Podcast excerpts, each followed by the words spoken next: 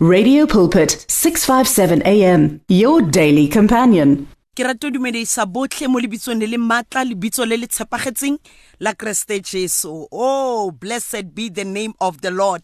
Ke re leboga modimo re tle re gape mo letsatsing la ke moruti mary masina. Blessed be the name of the lord.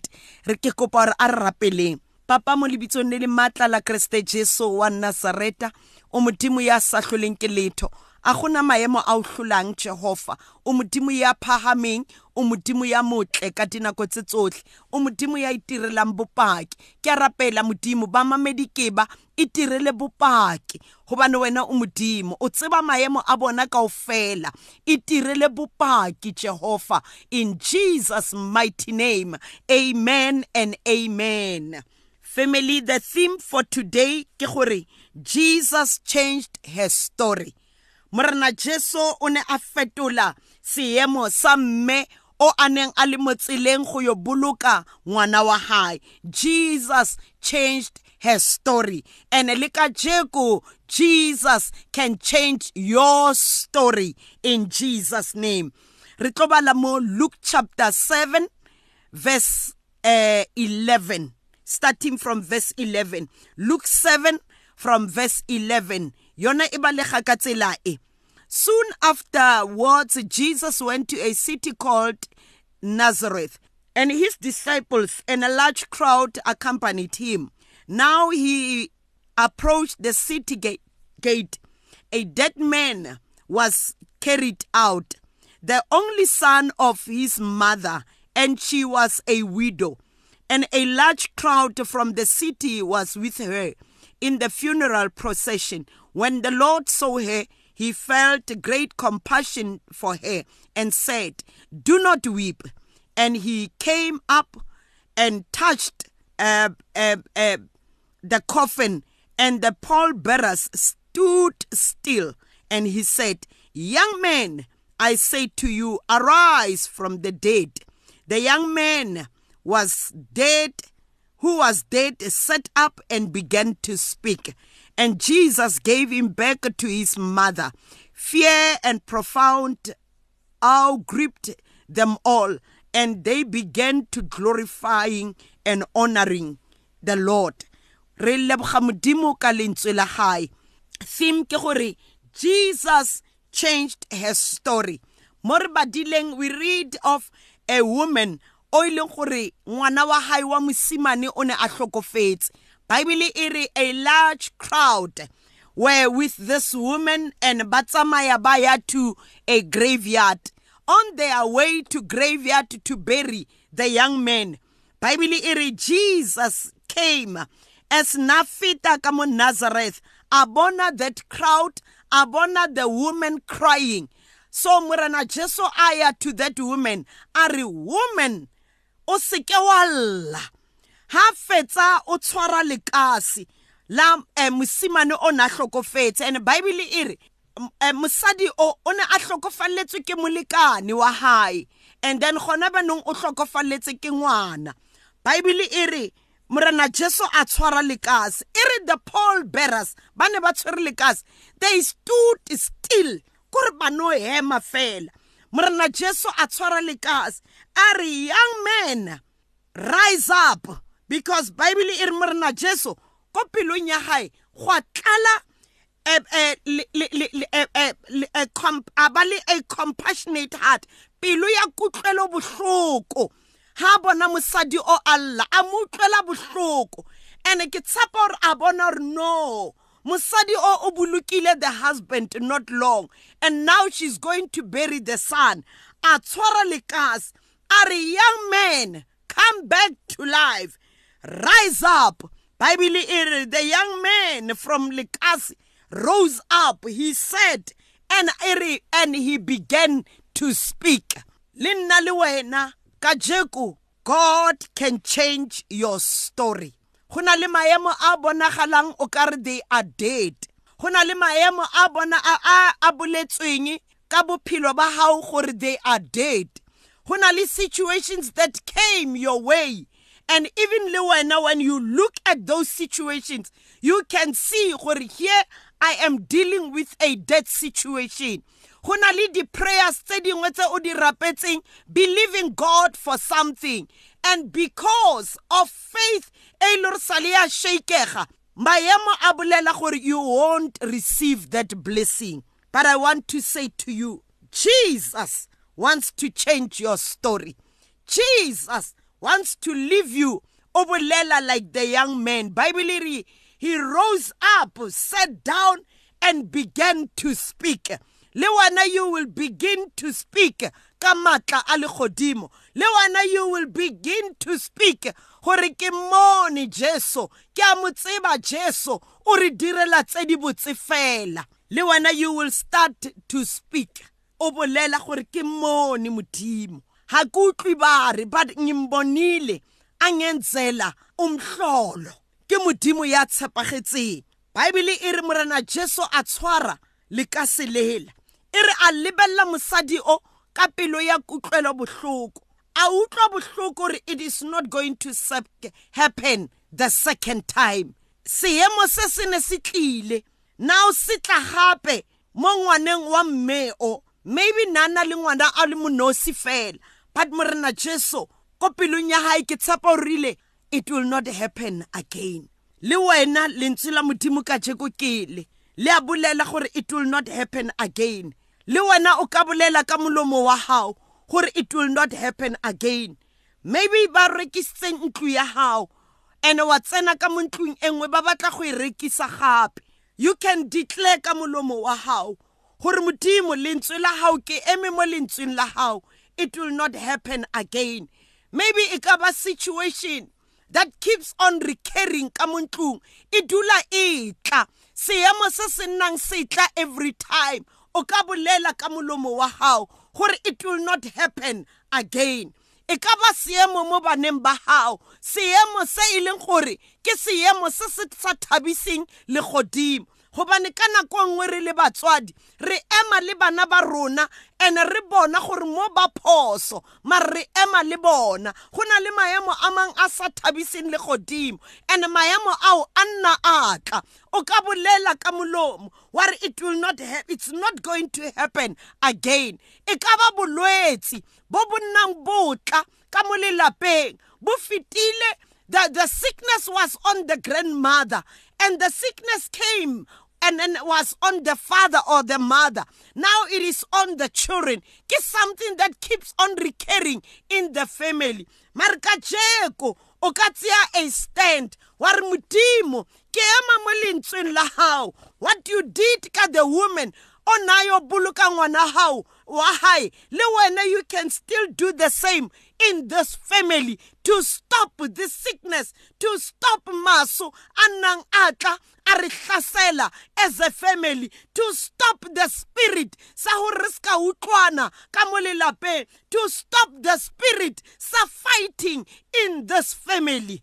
Wena o ka bolela ka molomo o ka llela modimo wa re cheso lelapa kele brothers and sisters keep on fighting every time. A gona peace go nna go lwewa go nna go utlwisiwana bohloko but o ka bolela.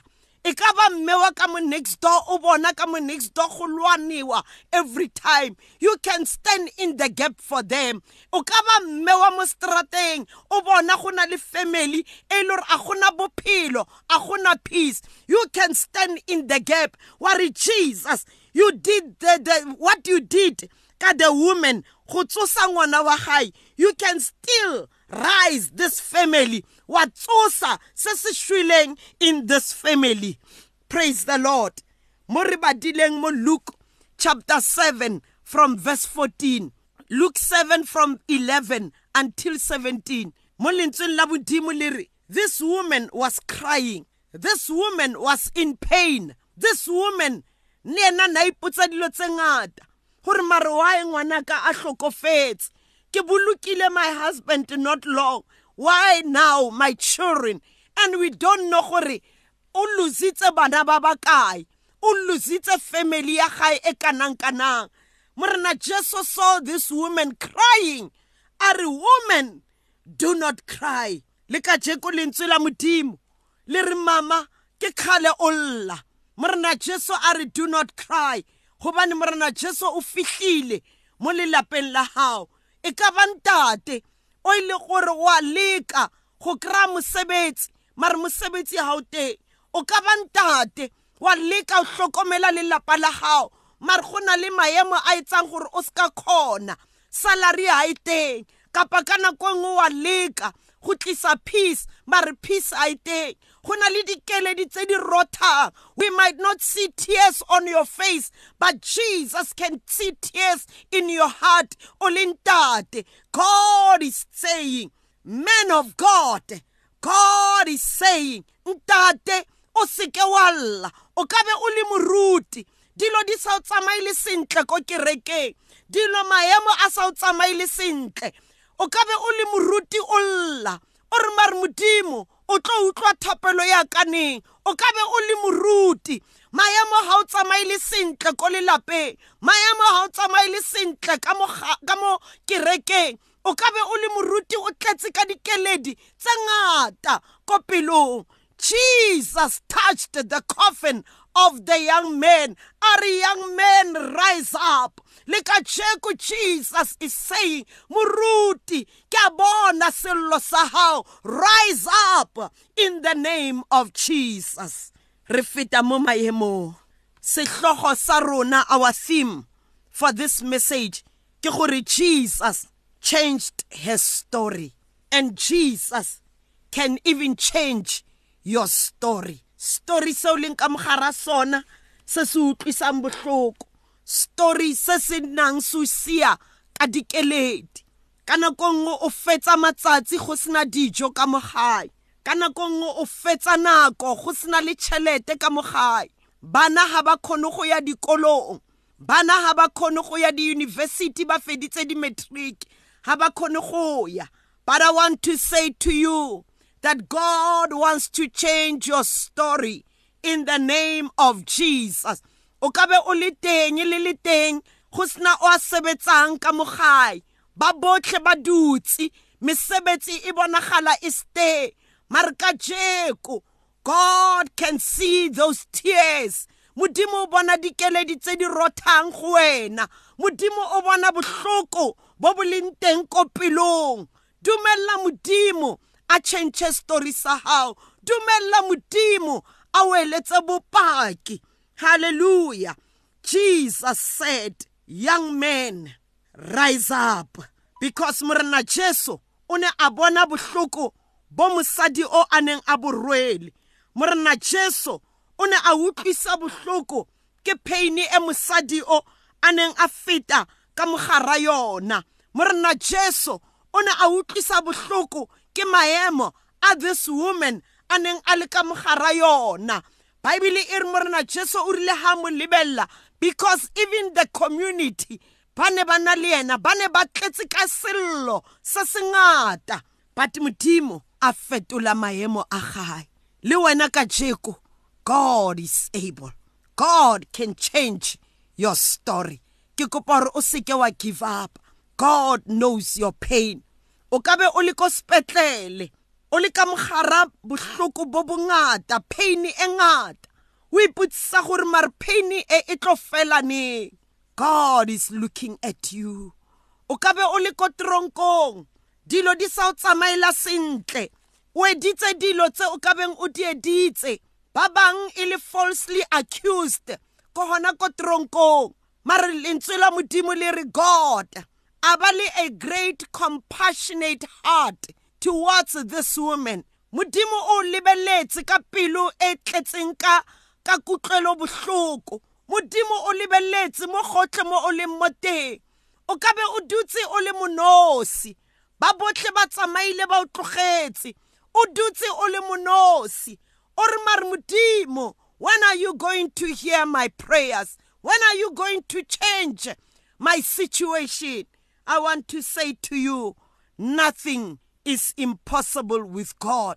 Dumella modimo ebe yena a tlo itirelang bopaki. Dumella modimo ebe yena a tlo lwanelang maemong a ohle. Dumella modimo ebe yena a tlo fetolang seemo sa hao. God changed the story of this woman on her way to the graveyard mo ne ba yo boloka ngwana hae ba re go fedile go fedile will not come back to life. Jesus said no it is not yet time. This man is not going to be buried. This young man yes he is dead but he's not going to be buried. Are young man come back to life. A mo gomisha molomong wa lebitla. A mo gomisha molomong mone ba re go fedile. I want to say to you child of god gore it is not over until god says so. Ha morena jesu a sa bolela gore it is uh, not over. A gona ntho e tla fetsang bophelo ba gago a gona ntho e tla tswelelang pele. E re go fedile. Ga ke itse gore ke eng ntho e o sallelang modimo ka yona. E le gore e ko pelong o re lord here is my situation. Ka jeko ka bolela. Wa re modimo seemo se kese. Seemo se se ntshiyang ka pain. Seemo that makes me not to sleep at night. Seemo that se se ntlogetseng ke setse ka bohloko fela. God wants to change your story. God has a compassionate heart to you. O lebeletse le gona bjanong o lebeletse wa bona gore pain e o e jereng ke kanang kanang wa bona gore bohloko bo o leng ka mogara bona ke bo bo kanang kanang wa bona gore dilo a di o tsamaile sentle. Wa bona gore maemo a ditšhelete tsa gago a yang. Wa bona gore o ba tlotswa ka mogara dikoloto mare dikoloto di re next ga o tswa. Only the power of the word of god eh, eh, eh, that can take you out from the spirit of death ke matla a lentswe la modimo a ka o ntshang ka moara dikoloto. Ke matla a lentswe la modimo a ka fetolang seemo sa gago le ka jeko ke rata gore ko botse gore tshepa mo lentsweng la modimo. It doesn't matter gore tumelo ya gago ke kanang kanang. Mare morena jesu o bolela ka tumelo e nnyane like a mustard seed. A re le he o ka tla ka yona tumelo eo it will move the mountains. Dumella tumelo eo e etse bopaki. Dumella tumelo eo e tshikinye dithaba tse o lebaganeng le tsona. In jesus mighty name let us pray. Papa mo lebitsong le le maatla la kreste jesu wa nazareta lentswe la gago ke le jehova. Se ke tsebang ke gore lentswe la gago le keke la tswa le sa etsa mosebetsi wa lona. A le etse mosebetsi wa lona ko dipelong tsa bamamedi. A le etse mosebetsi wa lona ko maphelong a bana ba gago jehova a le etse mosebetsi wa lona ka go tlisa bopaki gobane o modimo wa mapaki. Ke a rapela kreste jesu gore re tshepile wena. Ke a rapela kreste jesu gore o modimo ya sa tlholeng ke letho e tirile bopaki in jesus mighty name.